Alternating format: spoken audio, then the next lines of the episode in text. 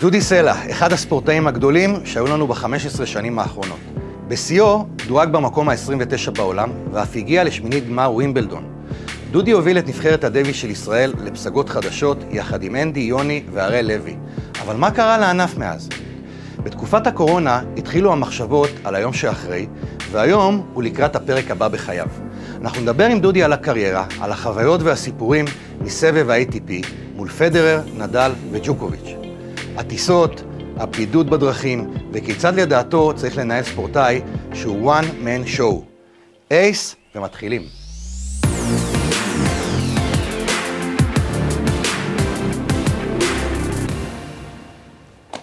בוקר טוב, אנחנו עדיין על המגרש, אבל עוד דקה ביום שאחרי. איזה כיף לנו לארח היום את דודי סלע, טניסאי. מה קורה? אהלן, טוב מאוד, בוקר טוב. בשיא שלך 29 בעולם, שמינית גמר ווימבלדון, הישגים מטורפים.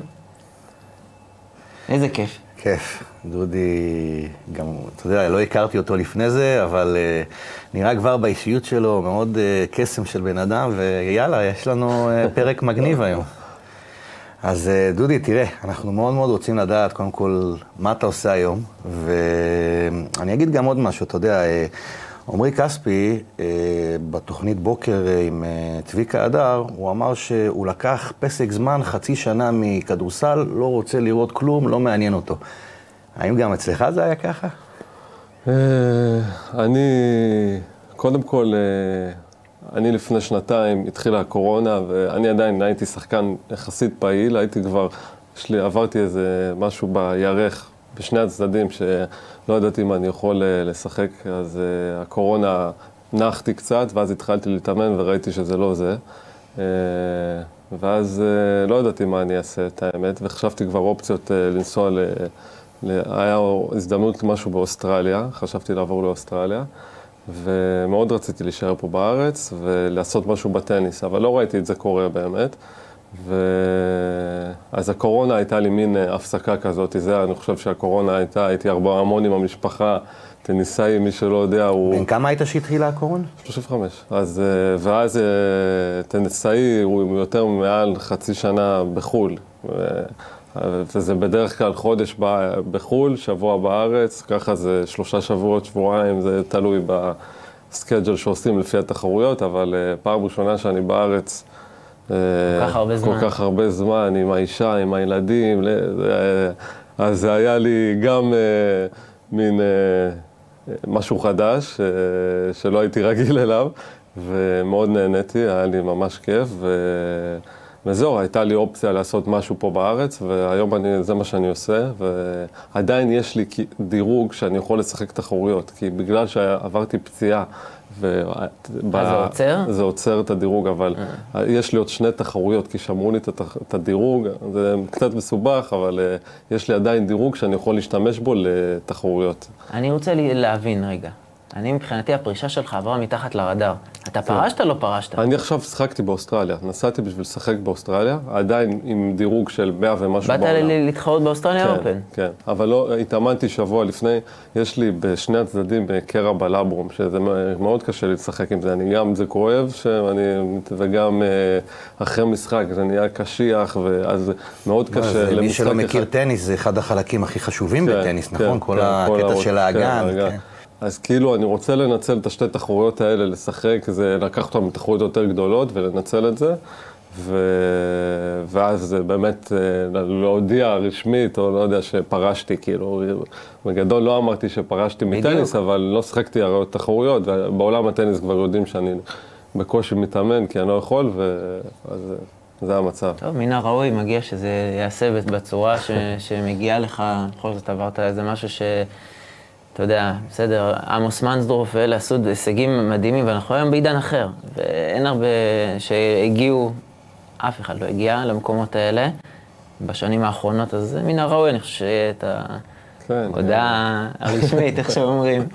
אבל תגיד, באמת, דיברת על אוסטרליה והכל, קודם כל איזה כיף באוסטרליה. אני, אני באמת כן. שם, טיילתי שם שלושה חודשים, איזה כיף של כן, מדינה. כן. מה אתה אומר באמת על כל ה... היה גמר מדהים עם נדל, וקודם כל, וואו, הוא שבר את השיא של פדרר עם 21 זכיות, מול מדוודב. מה אתה אומר על כל מה שהיה שם? אה, מטורף. אני, אתה יודע, הייתי שם, וזה בדיוק שאתה יודע, כל השחקנים מדברים, ויש קבוצת. קבוצת וואטסאפ של השחקנים, ואתה מתעדכן, נתנו לו, לג'וקוביץ' בהתחלה, נתנו לו להיכנס, הוא לא התחסן, זה, זה, לא ידעו בדיוק מה הולך שם, ובאמת למה בסוף, היום יודעים, כן, אבל, אבל אה, מבחינת הטניס, נדבר, אה, נדל, פדר, ג'וקוביץ', נדל, מדהים, כאילו אני לא, לא חשבתי שהוא על מגרש קשה, אחרי שהוא לא שיחק, ולקחת תחרות, אה, אם הוא היה עושה רבע גמר, זה היה, לפי דעתי גם בשבילו, זה היה הישג. אה, תגיד לי, יש פרגון בין הטניסאים באמת? כי לי ההרגשה שנדל טיפה טיפה בתוך הלב שמח שג'וקוביץ' זה בשביל ליצור את הזכייה ה-21 אני הזו חושב שלו. שנדל ופדר הם אה, מאוד, אה, מפרגנים, הם אחד הם לשני. שיחקו נדל- זוגות ביחד, וזה. לא, הם- הם עושים- הם עושים סבב של כן, זוגות, של- שבכלל זה כן. משחקים ל fun. עכשיו זה רשמי הם עושים את זה. ממש הוציאו הודעה כזאת כן, רשמית לא, כן, כן. כן, אה, אוקיי. ואני חושב שג'וקוביץ' היא טיפה אאוטסיידר כזה, כן. אז מה, יש ככה- קבוצה- יש קבוצת וואטסאפ של אה, מה, של כל לא, ה... יש קבוצת וואטסאפ של ה- כאילו ה-200 שחקנים הראשונים, שאתה יודע, עדכונים וכל מיני כאלה, אז אה, יש משם. גם צחוקים שם? זה? קצת, שזה יותר רציני מדי, כזה. לא, יותר רציני, כן. ספורט הלבן. כן. מה אתה אומר באמת על אה, ג'וקוביץ'? תשמע, איזה, איזה סוגיה ערכית, ואני מבחינתי, תשמע, לבוא ולעודד אי התחסנות, התחסנות, אני לא רוצה להגיע למקומות לא, האלה, אבל אני לא עדיין, אבל אני חושב שהוא. משמש, הוא, משמש דוגמה, לא רק בסרביה, זאת אומרת, הוא ממש כן. נציג של אומה שלמה, כן. אבל גם משמש דוגמה ל- למאות ילדים, כן. אני מאות, אלפי. מאות מיליונים התכוונתי. כן, אוקיי. אבל עכשיו היה את הרעיון שלו, פעם ראשונה שהוא התראיין, זה היה לפני אוקיי. יומיים, והוא הוא באמת בא ואמר שהוא לא בא לשם כי הוא נגד התחסנות. הוא לא נגד התחסנות, יש לו, מהמשפחה שלו חלק התחסנו, והוא זה, הוא פשוט אומר שהוא לא יודע מה, מה, מה יכול לגרום החיסון לגוף שלו, והוא עדיין לא מוכן לקחת את הסיכון. ולהתחסן, והוא לא מעודד נגד, כאילו, את ה, הוא ממש אה, אה, זה, והוא, אבל כל אחד והוא, מה זה שעשה, אני חושב, כל אחד ש... כן. טוב, זה יצא סאגה כן, באמת שהתפוצצה כן, לחלוטין. אה, תראה, אנחנו נדבר גם קצת על הקריירה שלך, גם על היום שאחרי, אבל אם כבר העלית אוסטרליה, קודם כל, כמה פעמים היית באמת באוסטרליה אופן? אוסטרליה, היום אני בעוד מעט 37, אז כל, כל, אה, כל, מגיל 16, כל שנה אני שם חודש. וואו. מגיל, אז אולי פספסתי שנה אחת, הייתה לי איזה פציעה, אבל כל שנה, אתה, הסבב של הטניס הוא בינואר, זה אוסטרליה עד פברואר, פברואר זה, יש טיפה באירופה, ואז במרץ אתה יכול לבחור או דרום אמריקה או ארצות הברית, ואז באפריל חוזרים לאירופה לחמר, וזה תחרויות לפני הרולנד גרוס, אז כל שנה זה פחות או יותר, יותר אותם אה, תחרויות, כאילו אותם תחרויות, ו... ראית אה, עולם. בקושי. הייתי כל. העולם, אבל אה, כן, שראית הרבה. מגרשי טניס, הרבה מלונות, ו...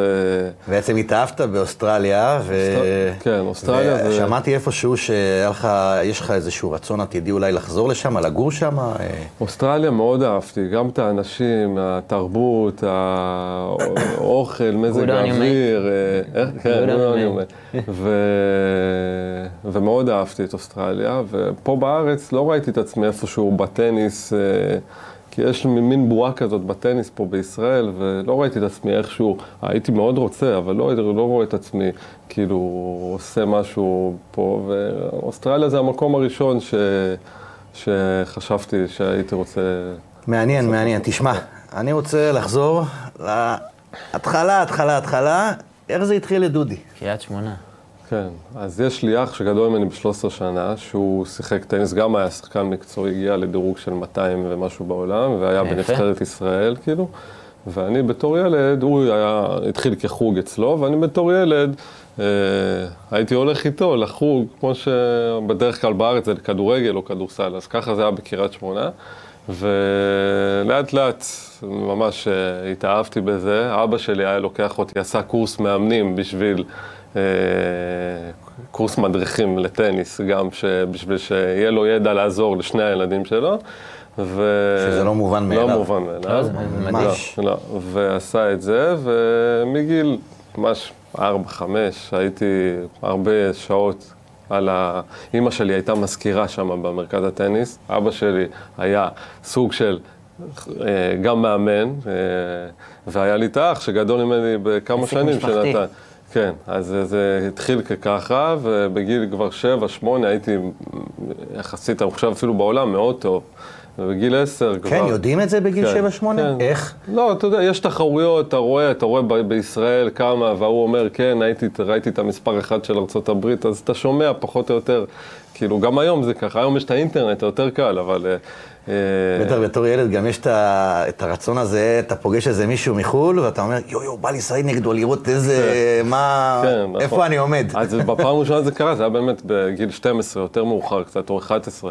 אז אני חושב, אז בגיל 10, אז הייתי בין, כאילו הייתי אה, ב- אה, הכי טוב בישראל, נגיד, לגיל שלי, ואפילו שנה מעל, ואז אה, בגיל 11, ההורים שלי, היה את מרכזי הטניס, שהייתי ממש טוב, ובקריית שמונה לא הייתה מסגרת, לא היו ילדים טובים, המאמן שם היה טוב, היה לי מאמן בשם שאול זוהר, שהוא היה... עשה איתי כאילו חבל על הזמן, ועם אבא שלי ביחד, ובגיל 11 היה לי, הציעו לנו לעבור לרמת השרון, להתאמן פה, ב...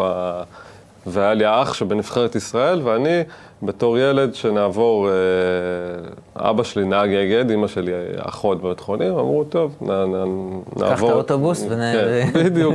ועברנו להרצליה בגיל 12, 11 וחצי, 12. איזו הקרבה. כן, והיה לי פה מסגרת יחס, יחסית טובה, להיום היא מאוד מאוד טובה, למה שקורה היום היא ממש טובה, ובמשך כמעט שנתיים הייתי פה ב, ב, ברמת השרון, ו... חיית גם ב- באזור. כן, כן, כן, בהרצליה, עם המשפחה, ההורים עברו, כולם עברו, ו... גייסו למען שני האחים. כן. ממש הקרבה של משפחה שעושה. רילוקיישן כן. ומאמינה ב- בילדים, ש... ואבא יכל להמשיך אה, כן, לעבוד אותו עבודה, באגד, במקום אה, תל אביב. קריית שמונה, הוא עשה, במקום קריית שמונה תל אביב, הוא היה עושה תל אביב קריית שמונה, נשאר על אותו קו. אה, אז, אה, וזהו, משם זה התפתח כבר בגיל 15, כבר לא הייתי בישראל, עברתי לגור באוסטריה, כי פה לא הייתה מסגרת מספיק טובה, זה גם, זה היום, אני- כאילו, זה גם בזכות, בזכות אה, אחי שראה ש... כאילו, אין באמת אה, מסגרת טובה מספיק בשבילי להתקדם, ו... ומה זה אומר לגור באוסטריה? מה זה אומר מבחינה מקצועית, מנטלית? כן, אה, אז זה, יש, ב, ב, היום זה טיפה שונה, אני חושב. כאילו, גם אז היה, יש מין אקדמיה שאתה הולך לאכול, אתה יכול ללכת לגור באקדמיה שיש להם את כל התנאים, אם זה מעונות לגור שם, ואוכל, ובית ספר, ו... או שאתה הולך למשהו כמו שאני הלכתי באוסטריה, שזה למאמן אחד, שקראו, שקוראים לו גונטר ברזניק, שהוא היה... אה, אני הייתי גר, גרתי אצלו בבית, הוא אימן שמונה שחקנים אה, אוסטרים, גרמנים אה, מהאזור הזה, אני הייתי הכי צעיר. היה לי מאוד קשה, אתה יודע, לא מדבר את השפה, ילד בן 15. טים מטעם- אין- אינמן היה אוסטרי, לא? לא, לא, דומיניק טים. דומיניק טים עכשיו, טים אנמן אנגלי. אה, נכון, אה, התבלבלתי, אוקיי. אז, אה, אז בתור, אז היה לי, הייתי גר אצלו בבית משמונה עד עשר אימון, ואז משתיים עד ארבע, וכושר וזה. ולימודים? לימודים הייתי עושה, בהתחלה היה לי מורה שהייתי צריך כאילו להשלים לבגרויות בארץ, אבל לימודים זה, בסוף זה לא, זה כבר לא, לא יכל לקרות, כי ראיתי ת- תחרויות ומאוד קשה היה. ובגיל הזה, דודי, אתה כבר יודע שאתה בכיוון הנכון, או שעדיין יש... אתה יודע, כי אני אומר, אף אחד לא מבטיח לאף אחד קריירה, אוקיי? אני גם היום כיועץ מנטלי, אני יודע את זה, אני גם אומר את זה לספורטאים שלי, ועדיין, אתה יודע, יש איזושהי תחושה כזאת, אני גם זוכר את עצמי כספורטאי. אני גם כן באזור של גילאי 15, כבר התחלתי להרגיש שמשהו קורה, למרות שלא היה לי פידבק אה, הכי גדול שיש, הרגשתי שמשהו קורה לי שאני בכיוון. זה גם קרה לך בקטע הזה, או ש... אה, אני חושב, כן, בגיל 14 אני חושב שהייתה אליפות אירופה, ובאמת אה, שחקנים אה, כאילו הכי טובים שיחקו שם, ולקחתי את התחרות הזאת, ואז אני חושב שעופר, אחי הגדול, באמת, אה, אני עוד לא, אה, כאילו עוד לא חשבתי שעל אה, באמת טניס, שאני הולך להיות ראשון בעולם, או מאה בעולם, או לא משנה. חשבתי על יותר זה, אבל בגיל 15, שראיתי שזה... אתה יודע, אני כל יום בא ומתאמן וזה, זה, אז אז זה מתחיל להיכנס לך לראש, שזה, וואלה, זה החיים שלך, זה ה... בוא נגיד בגיל 15 זה העבודה שלך כבר. אותם שחקנים ששיחקת נגדם באותו אליפות אירופה בגיל 14-15, אתה ראית אותם אחר כך מתקדמים בעצם לבוגרים, כי אנחנו רואים את הפערים בין הנוער, את הקפיצה הזאת, כן. שלא תמיד מצליחים לעבור את המשוכה הזאת. אנחנו, סליחה שככה, נגיד, כן. למשל, ישי אוליאל פה בישראל, תשמע, היה סנסציה, ופתאום כן. יש איזו עצירה מסוימת. אז אני, שזה זה משהו, כן, זה, בתחרות הזאת זה שמונה הכי טובים. אז מתוך השמונה, ארבעה נכנסו למאה הראשונים, אוקיי, שזה אני ועוד שלושה, ומתוך הארבעה, אני הייתי נגיד בדירוג הכי פחות טוב מהם, ואחד מהם זה צונגה, שהוא נהיה, הוא היה הרביעי בעולם, ואחד זה גסקה, לא ואחד בתחרויות. והיו עוד ארבע שלא הצליחו, שהיו טובים גם אחרי זה בגיל 18 והגיעו ל-400 בעולם ונעצרו שם. זה הרבה דברים, אתה יודע, זה צריך להיות מזל, ועם מאמן נכון, והקרבה, ו... והרבה הרבה, הרבה הרבה אלמנטים, וכסף מאחוריך שיכול לדחוף אותך, ודיברת על ישי אוליאל, אה, ישי אוליאל אני עובד איתו, בשנה האחרונה אני עובד איתו די הרבה. מעולה. וישי, אני, בארץ, הוא היום בן היום? 21. 21. אוקיי, והיום בגיל 21, נגיד אם אתה מסתכל על ה-200 הראשונים בעולם, אוקיי, עד גיל 21 יש לך אולי 15, אוקיי? הוא, ב, הוא אולי אפילו פחות מ-15 שחקנים. אז זה כאילו קשה מאוד לעשות את הקפיצה הזאת. זה, והטניס היום, הממוצע שנכנסים לגיל, לטופ 100, זה 24-5. הקריירה נהייתה יותר ארוכה, פעם היו פורשים 30, זה היה נחשב, גם בכדורגל אני חושב, נכון? לא, כדורגל קצת יותר. לא, אבל כאילו הגיל פרישה, אני חושב ש... 30 תראה את ו- בין רונלדו, 33 ל-35. אוקיי, אז אה, טניס, גם היום, אני חושב ש... אני, למשל, ה- כאילו הפיזיותרפיסטים והמאמני כושר והידע נהיה כל כך, וה... נהיה, השתפרו כל כך, וגם הטכנולוגיה, המחבט, הגידים, ה... אה, אז ה... אני- אתה יכול לשחק עד גיל הרבה יותר מאוחר, ואז השחקנים שמשחקים הרבה יותר מאוחר נכשלים יותר זמן, אז קשה מאוד לה- להתפר... כאילו להיכנס ממש בגיל צעיר רק כאלה באמת הממש מיוחדים. אז אה, ישי אוליאל בגיל 21, אני לא רואה אותו גם, הש... אני, אתה יודע, יש לי, הוא היום מדורג 350 בעולם. אוקיי. בשבילי, אם שנה הבאה הוא יהיה קרוב ל-200, זה מעולה בשבילו. הישג. הישג, זה- זה זה כן. הישג. בתוך ה-200 הוא יהיה, זה הישג. ואתה יודע פה מה, אין בארץ, מישהו, אין מישהו יותר טוב ממך. לבוא ולהגיד לו את זה, כן. ו- כי, כי בשבילו אולי, אתה יודע, הוא יסתכל על זה כאילו כסוג לא, הוא של... עכשיו מבין את זה, הוא אוקיי. מבין את זה. אבל פה בארץ, אנשים נגיד כמוך, לא ש... הכל זה, טוב, כל הכל מי שלא זה- בזה... אני חושב שזה כאילו זה כישלון, אבל זה לא באמת כיש- כישלון. כן, זה לא כישלון, כי יש לו כל כך הרבה זמן, יש לו עוד... אתה יודע, זה, אז אוקיי, שנה הבאה זה קרוב ל-200, אבל שנה אחרי זה זה... אבל, פה האבל הגדול, השנה יהיה מישהו שעוזר לו כלכלית. לשחקן טניס, אוקיי. זה... אני במשך, נגיד 20 שנה, מגיל 17 כזה, אה, הייתי, לא הייתי, שיחקתי 20, וש- מעל 26 תחרויות בשנה, שזה אומר אה, מעל 30 שבועות מחוץ לישראל, אוקיי? שזה הרבה הרבה מלונות. אני, היה לי מזל שהצלחתי בגיל צעיר ויכלתי לממן את עצמי, לא היה לי, בהתחלה היה לי קצת מישהו שעזר, אבל אחרי זה זה אני... מה עם ספונסרים? מה לחפש עם ספונסרים באמת? היה קצת, איזי שירצקי עזר לי איזה שנה, אבל זה כבר שהצלחתי, זה כבר שלפני זה היה יותר קשה להשיג. אבל אה, אז ישי הוא כאילו במקום ש... השנה יהיה לו לאן את הכסף הזה, אבל אתה יודע, אם מישהו, זה קשה, ואיגוד הטניס אין לו מספיק כסף בשביל לעזור באמת למאמן שיטוס איתו, ומאמן אה, ופיזיותרפיסט מתי שהוא צריך, ואני יכול לספר לך סיפור ש... שכאילו עכשיו הוא כואב לו הרגל, והוא לא יודע אם ללכת ל-MRI, כי עולה לו 1,500, כאילו דברים הזויים, כאילו, אז... זה בדיוק פה המדינה כן צריכה לבוא ולהתערב, אנחנו רוצים כן אז את- בטח אחד אז שכל כך הגיע רחוק וכל כך פוטנציאל גבוה, איך יכול להיות שגם, הנה, שומעים אותנו, ספונסרים, חברים, יש פה פוטנציאל, תביאו את הכסף המתאים, אבל יש, יש, יש עוד שלושה כמוהו, באמת שיש עוד, יש עוד uh, כמה כאלה. שיביאו לכל ו- השלושה האלה. כן, ויש גם. לא, אבל יש גם גילי צעירים, אתה מבין, זה הרבה כסף בטניס וזה קשה מאוד, ואין פה, אז... אה, בסוף אתה מדבר כמה, 30 טיסות בשנה, נגיד סתם אנחנו זורקים ממוצע 500 דולר טיסה, ופעם זה היה מחירים מאמן, יותר יקרים. וזה, זה לא מאמן, אנחנו פשוט, מדברים כן, פה, כן, מישהו. בא ויכול להגיד, דודי מיליונר, עשה שלוש, אה, לא יודע, איזה שלוש, ארבע מיליון דולר כל הקריירה, זכה- היה במלא צ'אלנג'רים, וזה. ובסוף מה? כל ההוצאות האלה. יש לך המון המון הוצאות ו... ומיסוי ומשכורות, זה אתה משלם, זה, זה השחקן. זה לא שיש לך אה, מדינה שבאה ואומרת, אוקיי, יש לך מאמן, זה המאמן, ופה זה, אנחנו מארגנים לך, אתה בסדר, אין לך מה ל... אתה, זה הכל עליך, ואתה דואג לטיסות, אתה מתקשר, אתה מזמין את ההסעה לתחרות, אתה, אתה והמאמן, כן? אנחנו נגיע לזה אחר כך, כן. דרך אגב, לנקודה הזאת. אבל אני, אני עדיין, כאילו, אני באמת שואל, למה באמת לא דחפתם אולי למקום הזה של ספונסרים? גם עכשיו לישי. אני?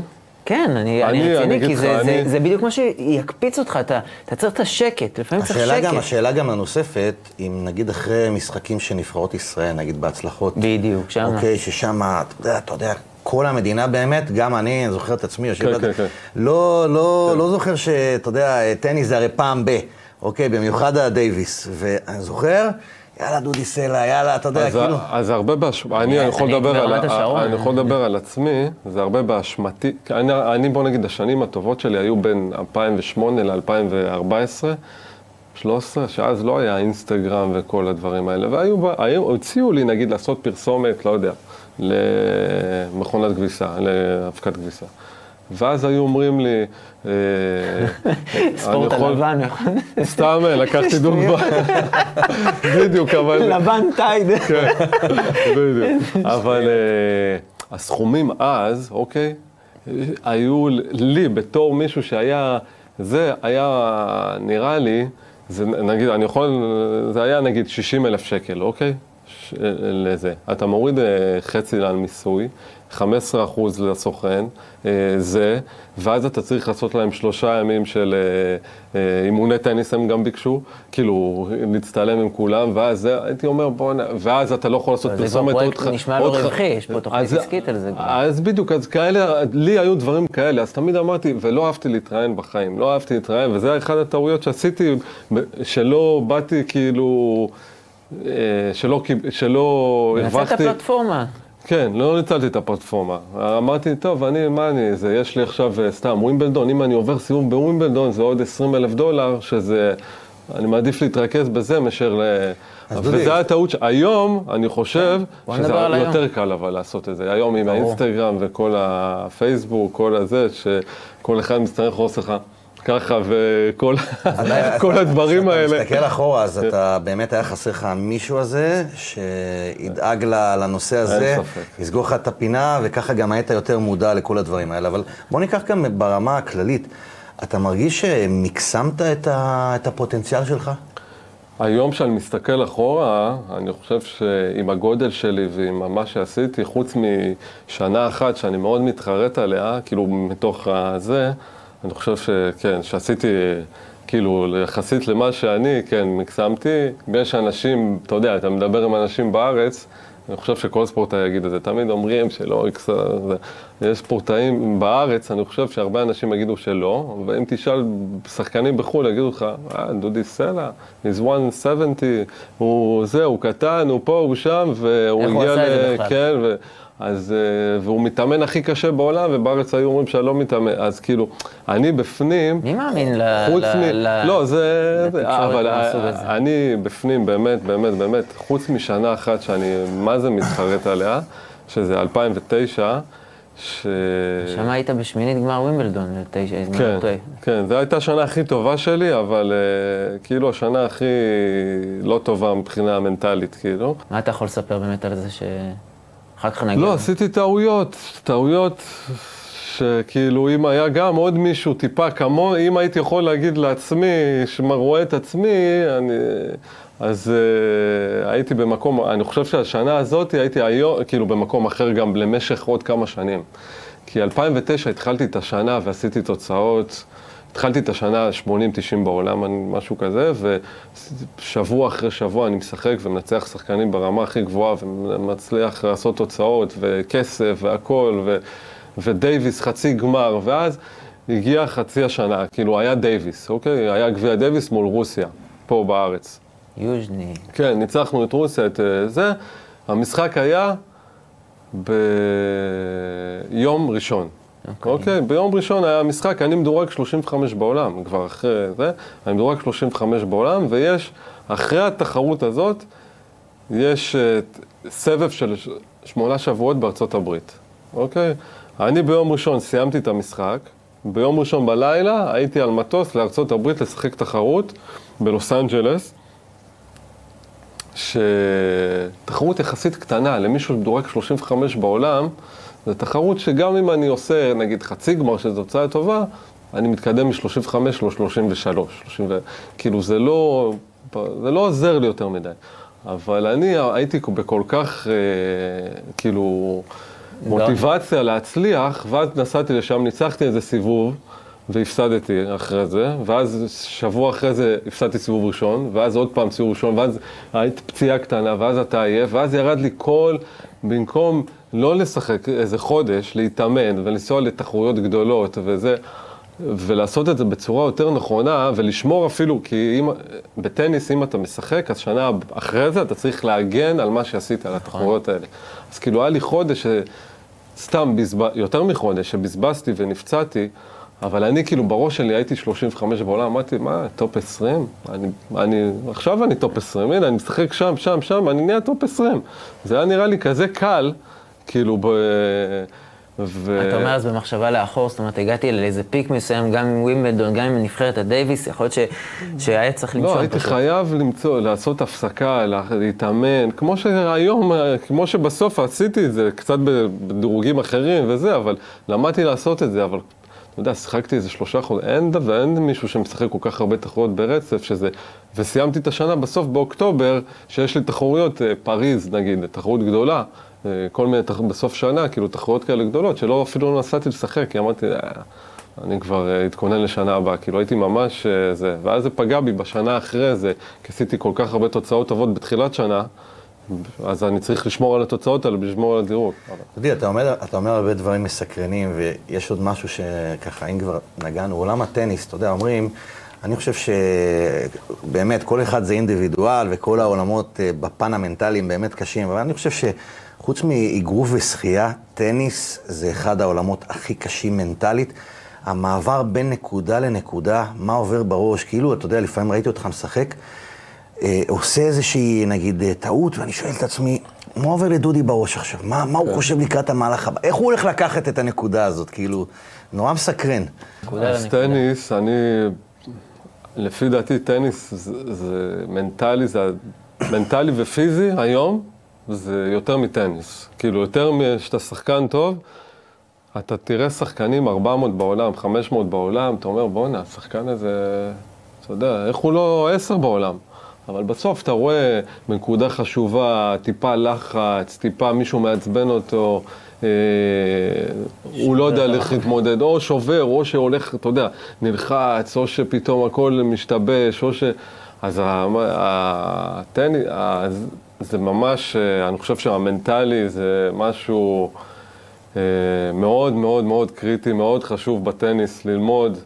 ואני אני למדתי על עצמי, אני חושב שהיום אני הייתי, כאילו היום, בסוף של הזה, הייתי הרבה הרבה יותר טוב. הייתי קצת יותר לחוץ, אני מרגיש, שעם הגיל נהייתי יותר לחוץ מבחינת הזה, אבל ידעתי להשתלט על זה הרבה יותר בקלות מאשר שהייתי צעיר והייתי הייתי? בלחץ, אז הייתי משחק הרבה יותר, כאילו הולך על זה יותר. אז זה היה עובד, אבל לאורך זמן זה פ- לפי דעתי פחות טוב, כאילו. היית מלווה ביועץ מנטלי או פסיכולוג אה, ספורט? לא, לא.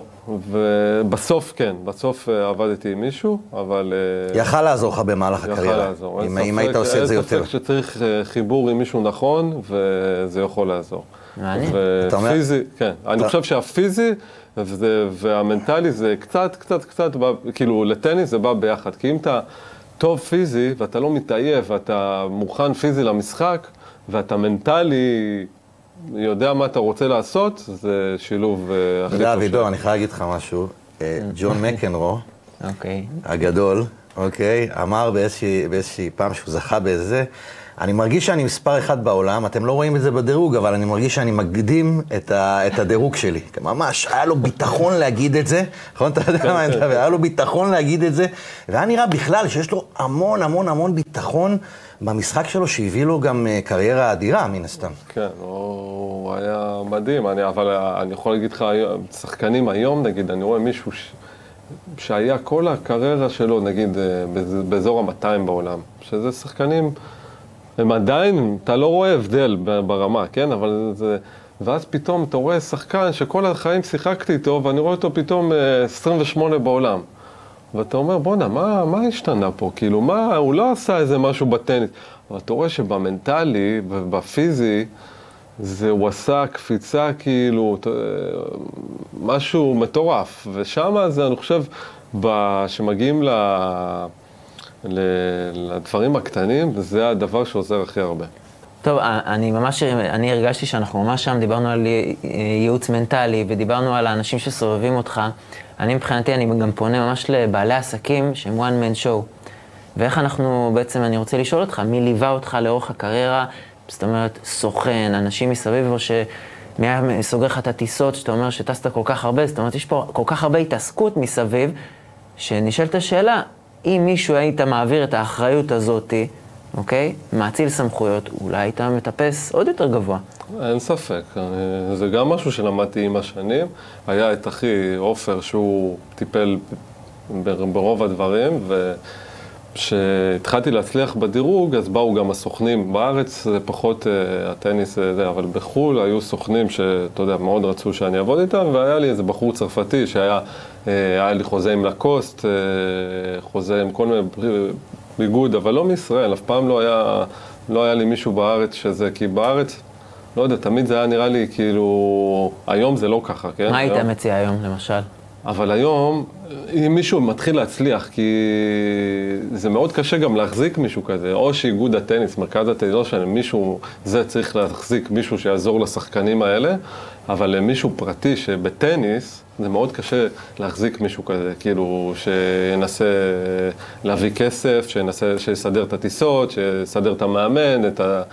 זה מאוד חשוב, אני חושב שזה מאוד חשוב. למה איגוד הטניס לא יכול לעשות את הדברים האלה? זה לא עלויות כאלה גדולות. אני חושב שעכשיו אה, יש טיפה שינוי שם באיגוד אה, הטניס. שהם יעשו את ה booking במקומך. ושהם אולי ייקחו אפילו איש social media, שיבוא ויעשה קצת יותר שמח. אני רואה את זה באיגוד אה, השייט, אני רואה את זה עם שחר כן. צוברי שהתארח פה. השאלה היא, אבידור, אם זה נעשה, נגיד, לנבחרת ישראל. זה נעשה לנבחרת ישראל. אבל באופן אישי, נראה לי שזה קצת אחרת, לא? זה קצת אחרת, כן. כן, זה קצת אחרת. אז מוסיפים טיפה איזה עלות מסוימת, אבל אה, אולי יש באמת חלק שהאיגוד כן יכול אה, לתת, למרות שהתקציבים דלים. כן. אבל אני חושב שככל שטיפה... אה, עולים בדירוג, אז זה must, כאילו, הדבר הזה. בדירוגים שהם נמצאים כרגע, השחקנים בארץ, זה פחות, אה, פחות דברים להתעסק, זה יותר קל, כאילו. אבל אולי דיברנו על ישי, אולי זה בדיוק... ישי היום יש לו מישהו כזה, היום יש לו מישהו כזה. חשוב. הוא היחיד אה, שהוא, השנה הזאת הוא יהיה יחסית מסודר. וגלושקו למשל? וגלושקו גם. לינה גלושקו, הם אוקיי. שניהם היחידים ש... אוקיי, לפחות אני פוגע בול כן. בפוני. אבל זה אנשים פרטיים שבאו ובאו לעזור. שזה מדהים, כן. היית שותף להצגה שהייתה ביד אליהו. כן. איך היה שם? אה, ספר קודם כל מה ההצגה, שזה מובן מאליו. אה? לא מובן מאליו, תספר. אני חושב שהרבה זוכרים מה זה ההצגה הזאת, אבל אה, זה היה ביד אליהו ממש, הכניסו כן, את כן. הטניס לאולם כדורסל, אולם מלא, כמו רגילים לראות אותו מלא עם אה, מכבי תל אביב בכדורסל. פתאום נבחרת ישראל, דודי, אנדי, יוני. כן, היה אותי, את הראל לוי, שהיה שיחק, ואנדי כן, ויוני. ואני הייתי מאוד נגד לשחק אה, שמה. אה, אני רציתי במגרש שאני רגיל, ברמת השרון, והרוסים, שיחקנו נגד רוסיה, הרוסים היו טובים גם יותר במגרשים כאלה, כאילו שבאולם זה טיפה משנה את התנאים. אז uh, אני הייתי מאוד נגד, אבל כבר מהיום הראשון שבאנו לשם זה היה מדהים. Uh, ההרגשה לשחק שם, אתה יודע, זה היה מלא, זה היה מפוצץ, כאילו ממש, היינו, כל אחד, אני הייתי אז באמת בדירוג שיא, אנדי ויוני היו uh, גם, היו בדירוג, הם היו, עשו אז תוצאות טובות, והיה את הראל, שתמיד בדוויס הוא היה טוב, ותמיד הוא היה שחקן מדהים. והיה לנו תקופה מאוד טובה, והגענו לחצי גמר, קצת במזל, כאילו, כי היה לנו... אתה יודע, היו נבחרות הרבה הרבה יותר טובות מאיתנו. אבל ההוא הפסיד לזה, והשחקן הזה נפצע, ופתאום יש לנו משחק בית, אז היה לנו מזל. הגענו לחצי גמר אה, בהרבה מזל, אבל כאילו לקחנו את ההזדמנות שהייתה לנו. הגענו לחצי, אה, זה היה ברבע גמר מול רוסיה, ואני זוכר שכאילו הגעתי, ביום ששיחקתי, כאילו, הראל לוי התחיל ראשון. ואני לא אהבתי לצאת לראות את המשחק, שהייתי יוצא אולי קצת לראות כמה אנשים, בק... כאילו לראות את האווירה, אבל הייתי חוזר כאילו לחדר הלבשה בשביל זה. אבל אני זוכר שנכנסתי למגרש, ובארץ, ופתאום, אתה יודע, אנשים צועקים את השם שלך, היה שם עשרת אלפים איש, ובאולם, אז אה, בטניס, אני לא רגיל לכזה, יש בתחרויות גדולות, אבל לא שצועקים רק, זה משהו ש... שאני לא אשכח. ואני זוכר בהתחלה שחקתי לא הכי טוב, ולאט לאט ניצחתי את המשחק, היה לי משחק ממש טוב. ו... זו החוויה הכי גדולה בקריירה? או שמהי בכלל החוויה הכי גדולה שלך בקריירה? אה, היה גם נבחרת, אותו דבר, נבחרת זה תמיד אה, משהו שונה, אבל מול, אה, היה לנו מול צ'ילה. נכון. בזה זה היה טיפה שונה, כי זה באמת ניצחנו נבחרת. מדורג ארבע בעולם היה. הוא כן, הוא היה ארבע, והשני גם היה שחקן ממש טוב, זה שגם אותו ניצחתי, שהוא גם היה שניהם בחמש, משחק ארוך, ו... וזה היה גם כאילו, זה, אז זה טיפה היה, זה באמת היה כאילו להביא, להיכנס, בוא נגיד, אם משווים את זה לזה, להיכנס למונדיאל, אוקיי? להיכנס לבית שאף פעם לא היינו. כאילו, עשינו את זה טיפה קצת כמו כדורגל, ובאמת היה מזל ששחקנו בבית וזה, ואני הייתי, שחקתי טוב. ו...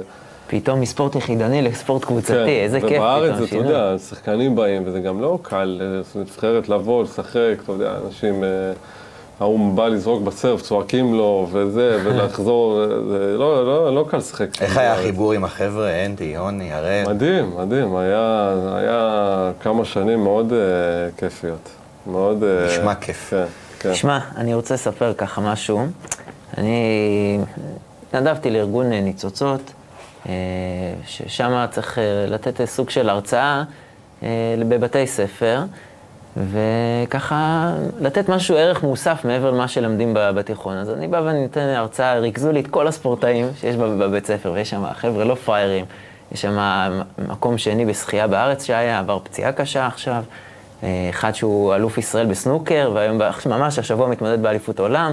יש שם חבר'ה לא פראיירים, שני ג'ודוקה, שחקן בביתר, והם הכינו כמה שאלות עבורך. עכשיו, לא סתם הם אה, הכינו כמה שאלות, אני עשיתי להם משימה, כל אחד היה צריך לבוא ולעלות לבמה ולספר מהי התמונה המנצחת שלו בעוד חמש שנים. ויותר מכך, גם היו צריכים לקבוע מטרות ויעדים. לשנה הקרובה. אני מבחינת, קודם כל אני שואל שאלה שלי, ואחר כך את השאלות שלהם, האם תכננת לך ליום שאחרי, לה... עכשיו בס... יחסית בסיום הקריירה, איזה מטרות ויעדים, תמונה מנצחת שלך, שאתה עדיין לא חשבת על זה? לאחרי הטניס אתה מדבר? כן, כן. תמונה מנצחת, הייתי רוצה שיהיה, שיגדל פה דור עתיד, לפתח מישהו ש...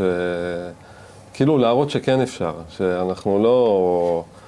כמו שחושבים שאנחנו, שכן אפשר לעשות מישהו. זה, בגלל זה אני שם באוניברסיטה, עובד עם ילדים, אבל... אה, ויש כמה שאפשר. ומה המטרות, נגיד, לשנת 2022? אני נוקב. אני, יש לי עוד שני תחרויות, אז... אה, גם. לפחות לנצח משחק אחד. גדול. לפרוש כן, עם וי ענק. לפרוש עם אה, ניצחון אחד. מה שבטוח, בשתי התחרויות האלה, בלי לחץ אתה מגיע. לא, זה בלי שום קשר. אתה יודע מה, אני עכשיו הייתי באוסטרליה, לפני שזה, הייתי באוסטרליה, עכשיו לתחרויות. לאוסטרליה אופן, למוקדמות, ולא התאמנתי, התאמנתי כי לא אכלתי, אמרתי, טוב, אני אבוא קצת מוקדם, אני אתאמן שם עם שחקנים, ובאתי, וביום הראשון, אחרי חצי שעה, התחילו לי הבלות וכאבים, הפסקתי. אחרי ביום השני, זה, אמרתי, טוב, נו, אני אבוא בלי לחץ, אבל התחלתי להרגיש טוב כבר. כאילו, באימונים אמרתי, בואנה, יש סיכוי שאני פה מנצח משחק. ואז ביום לפני המשחק עשיתי איזה מישהו עם שחקן שעבד, שהוא שחקן טוב, שוודי אחד, וניצחתי כאילו, והרגשתי כאילו טוב. ואמרתי, טוב, מחר אני בא בלי לחץ. הגיע המשחק אחרי נקודה, אוקיי? מרוב לחץ. אז זה- זה מה שדיברנו על מנטלי, שכאילו אתה אני רק בסוף... אגיד שעצם זה, בגלל הפציעות, ובגלל שחלפה תקופה, עצם זה שאתה תגיע למגרש, מבחינתי זה כבר כן, ניצחון גם מטורף, כן. ושאף אחד לא יחשוב כן, אחרת. כן, כן. אז ככה, אני אשאל ככה כמה שאלות. אה, נבו שעוסק בג'ודו, שואל איך אפשר לנהל אורך של ספורטאי, יחד, ולשלב את זה יחד עם חלקים חברתיים. מאוד קשה בטניס. אה, בוא נגיד מהבית ספר או מהזה, אולי שני חברים נשארו לי שאני בקשר איתם. הרוב זה אנשים שהכרתי בדרך, כאילו זה. וגם, אני זוכר אז, בתור, תמיד, אתה יודע, סבלתי בתור חברים שזה- מהטניס? כן, רק חבר, היום זה רק חברים מהטניס, או חברים שדרך הטניס שהכרתי. דודי, יש הרבה, הרבה בדידות ב- בטניס. מאוד. כאילו, זה הדבר, גם בתור שחקן, אתה נוסע עכשיו, סתם, הייתי... נסעתי לקוריאה לשלושה שבועות. אתה נוסע עם, אה, או עם מאמן או לבד, ואתה משחק, מתאמן, חוזר לחדר, מתאמן עוד פעם. נגיד והיה לי יום למחרת משחק, משחק והפסדתי, יש לי עכשיו שבוע ימים להעביר לבד, להתאמן, ללכת למסעדה בערב לבד, ללכת לזה. היום זה נראה לי חלום עם אה, תינוק בבית שלא מפסיק לצרוח, אבל אה, כאילו, אבל זה מאוד, אה, מאוד קשה. שאלה קשוחה. עידן, השחיין, אז הוא שואל, כמה פעמים רצית לפרוש בקריירה לאחר כישלונות? שאני אמרתי, או, שאלה. אה, בתחילת הדרך היה פעם אחת שהייתי מאוד רציני, כאילו, בגלל כסף, לא בגלל, כאילו היה לי מספיק כסף לנסוע וזה, ובמשך התקופה אני חושב שמאוד אהבתי את זה, אז לא, תמיד ראיתי את זה, גם עכשיו אני לא רוצה לפרוש, כאילו, אני לא, זה מאוד, אה, חזק ממך. כן. טוב, והשאלה האחרונה, איך באמת מתמודדים עם הלחץ, עם מישהו בטופ העולמי, אתה יודע, נדל, פדרר, ג'וקוביץ', ואתה מצליח לתת את הכי טוב שלך. לשחק נגדם, כאילו? כן. אז יצא לי לשחק נגדם כמה פעמים, ותמיד, אתה יודע, אנשים היו אומרים לי, מה אכפת לך, אתה עולה מול נדל, אין לך לחץ. תהנה. כאילו, תהנה. אבל זה בדיוק ההפך. זה, אני אומר לך, זה לוקח אותך, זה בדיוק המקום ההפוך. אתה לא ישן בלילה, אתה מפחד זה, אתה אומר פה, כל מיני, כל הסרטים שאתה לא רוצה, אתה פתאום המגרש המרכזי. כאילו, זה גם, אה, זה גם אה, פקטור, אבל אתה בא, ואז, אתה יודע, אתה עולה למגרש, ופתאום אצטדיון ענק, המגרש הוא שונה, שתבין. כאילו, לא, הגודל של, ה, של המגרש הוא, הוא שונה, אוקיי? והוא לא נותן לך נקודות קלות, אוקיי? ואתה אתה לא מרגיש שאתה יכול לעשות משהו מיוחד נגדו. ואתה פתאום נכנס עוד יותר ללחץ. אז זה מאוד קשה. רק במקרה שהוא באמת נותן לך בהתחלה כמה זה, ואתה בשיא שלך, אז בשיא שלך זה יכול. אבל אתה צריך לבוא הכי מוכן לדבר הזה, אבל... תשמע, יש קשה. איזה קטע שאני מראה ב- בייעוץ המנטלי, קטע של דסטין בראון, כן. מול אה, נדל בווימבלדון. הוא עושה את החמש נקודות הראשונות בצורה הכי מרשימה שיכולה להיות. אתה לא יכול להבדיל מי מהאחד בעולם ומי ממקום ראשון בעולם, הוא מנצח את המשחק הזה. נכון. ואני בא לשאול אותך שאלה, יש איזושהי אסטרטגיה של הכנה לפני משחק כזה? זאת אומרת, אתה יודע, עדיין... דודי סלע, יש לו את החוזקות שלו, כן. יש לו את הדברים שהוא טוב בהם, הוא יודע איפה גם החולשות, אם קיימות בכלל אצל החבר'ה האלה. האם יש איזושהי אסטרטגיה ב- ב- ב- לפני משחק כזה? אז אה, יהיה, בטח ש... כל אחד, אתה יודע פחות או יותר מה... אצלהם זה יותר קשה להגיע אליהם לחולשות, בוא נגיד לטובים.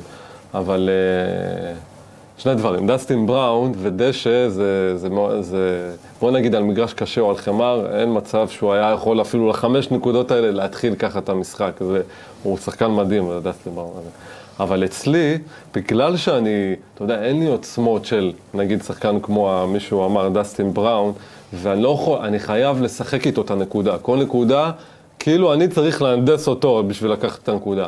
אז כאילו אני צריך להיות, אז שיחקתי נגדו בווימבלדון, ואמרתי, וואלה, על דשא, אני, אני לא עולה בראש, גם אם אני נגד פדר, אני לא עולה בראש ואני אומר, הפסדתי, כאילו. אני בראש חושב עדיין שאני הולך לנצח. אני מאמין, אני מאמין, אולי זה נשמע דפוק, זה לא, אבל אני חובה. מאמין שאני הולך לנצח. ואז עליתי למשחק, נקודה ראשונה, אני בא לרשת, באתי לרשת טוב, כאילו, זה מה שצריך, אוקיי, הפסדתי את הנקודה, הוא העביר אותי כאילו זה, עוד פעם, זה, פה, שם, ואז אתה מגיע למצב שהוא טיפה מוביל, וזה קשה, קשה, כי הוא, זהו, הוא נפתח והוא חופשי.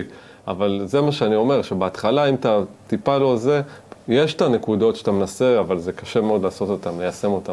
לפני שנעבור ל...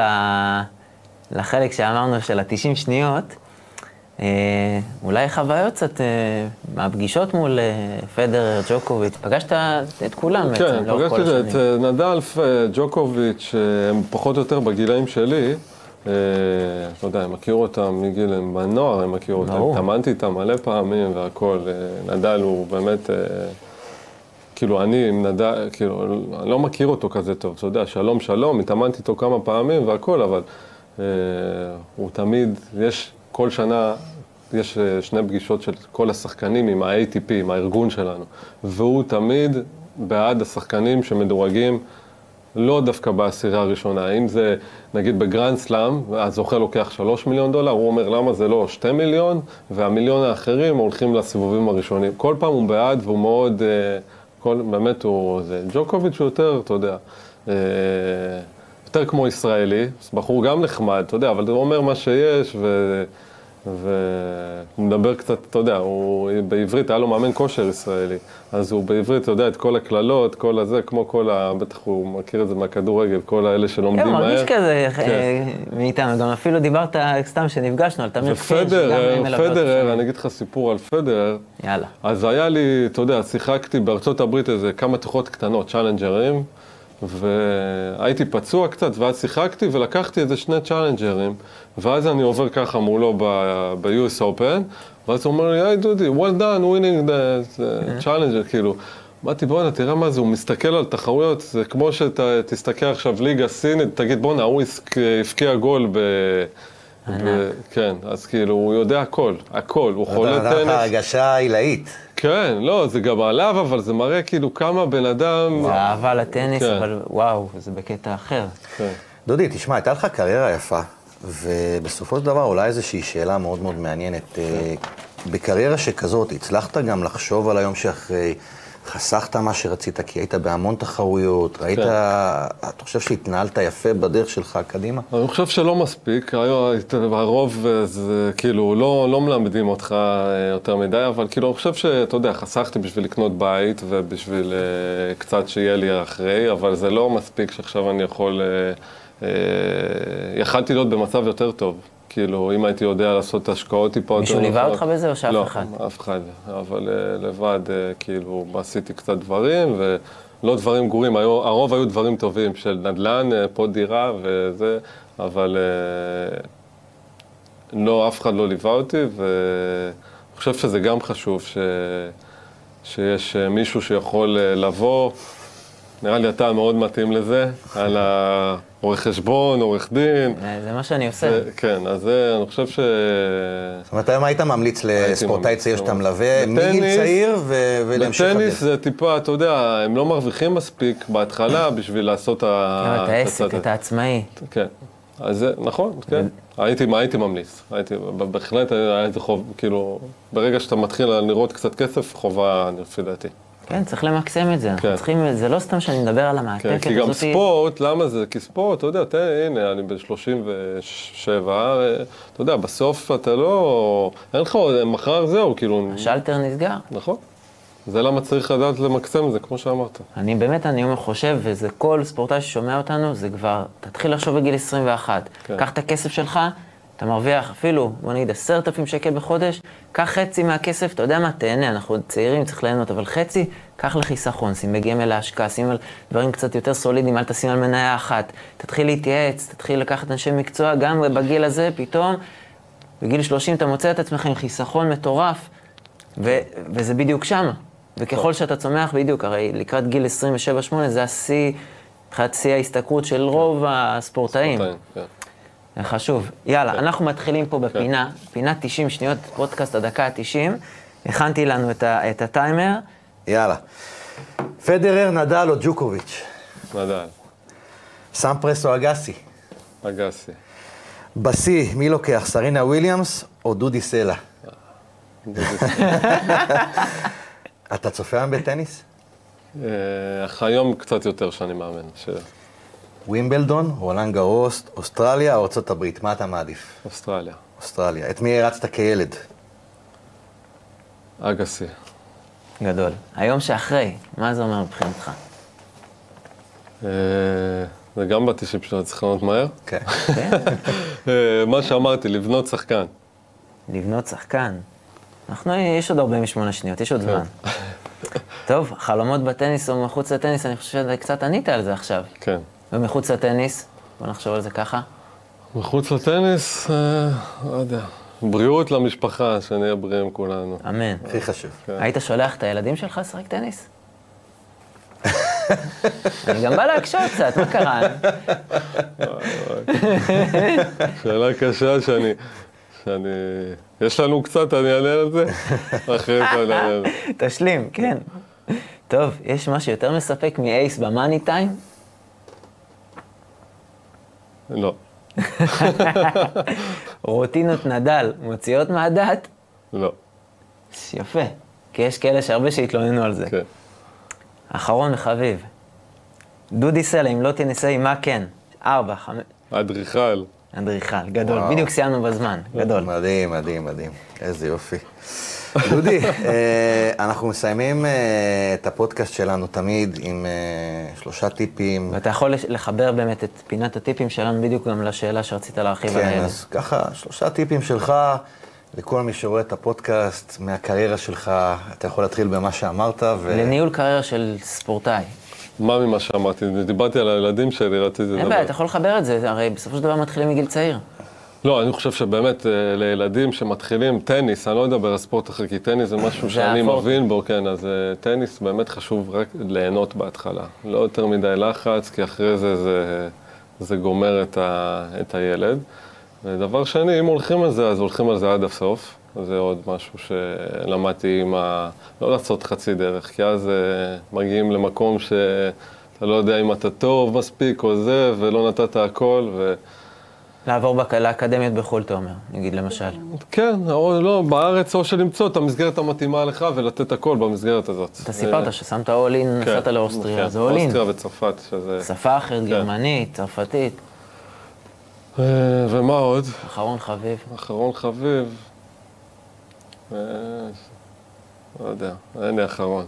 משהו שקשור לאקדמיה, שאתה מספר לספורטאים שלך. באמת להתמיד, זה אותו דבר, אני חושב שזה, שזה יהיה דרך חיים, כאילו הט, הספורט, הטניס הזה, שזה יהיה, שיהיה חרם ממך. מדהים. דרך חיים. כן, דודי, תודה רבה. יאללה. דודי. מה זה נהנינו, אתה מיוחד, ובהצלחה ב... תודה, תודה רבה. בשתי מסיעות האחרונות שלך, להמשך הדרך. ו... ובאקדמיה. כן, באקדמיה, כן. באקדמיה, ובאג'נדה שלך לרצות לגדל את הספורטאים הבאים של. ישראל. כן, כן, לגמרי. חשוב. אחלה, המון תודה. תודה לכם.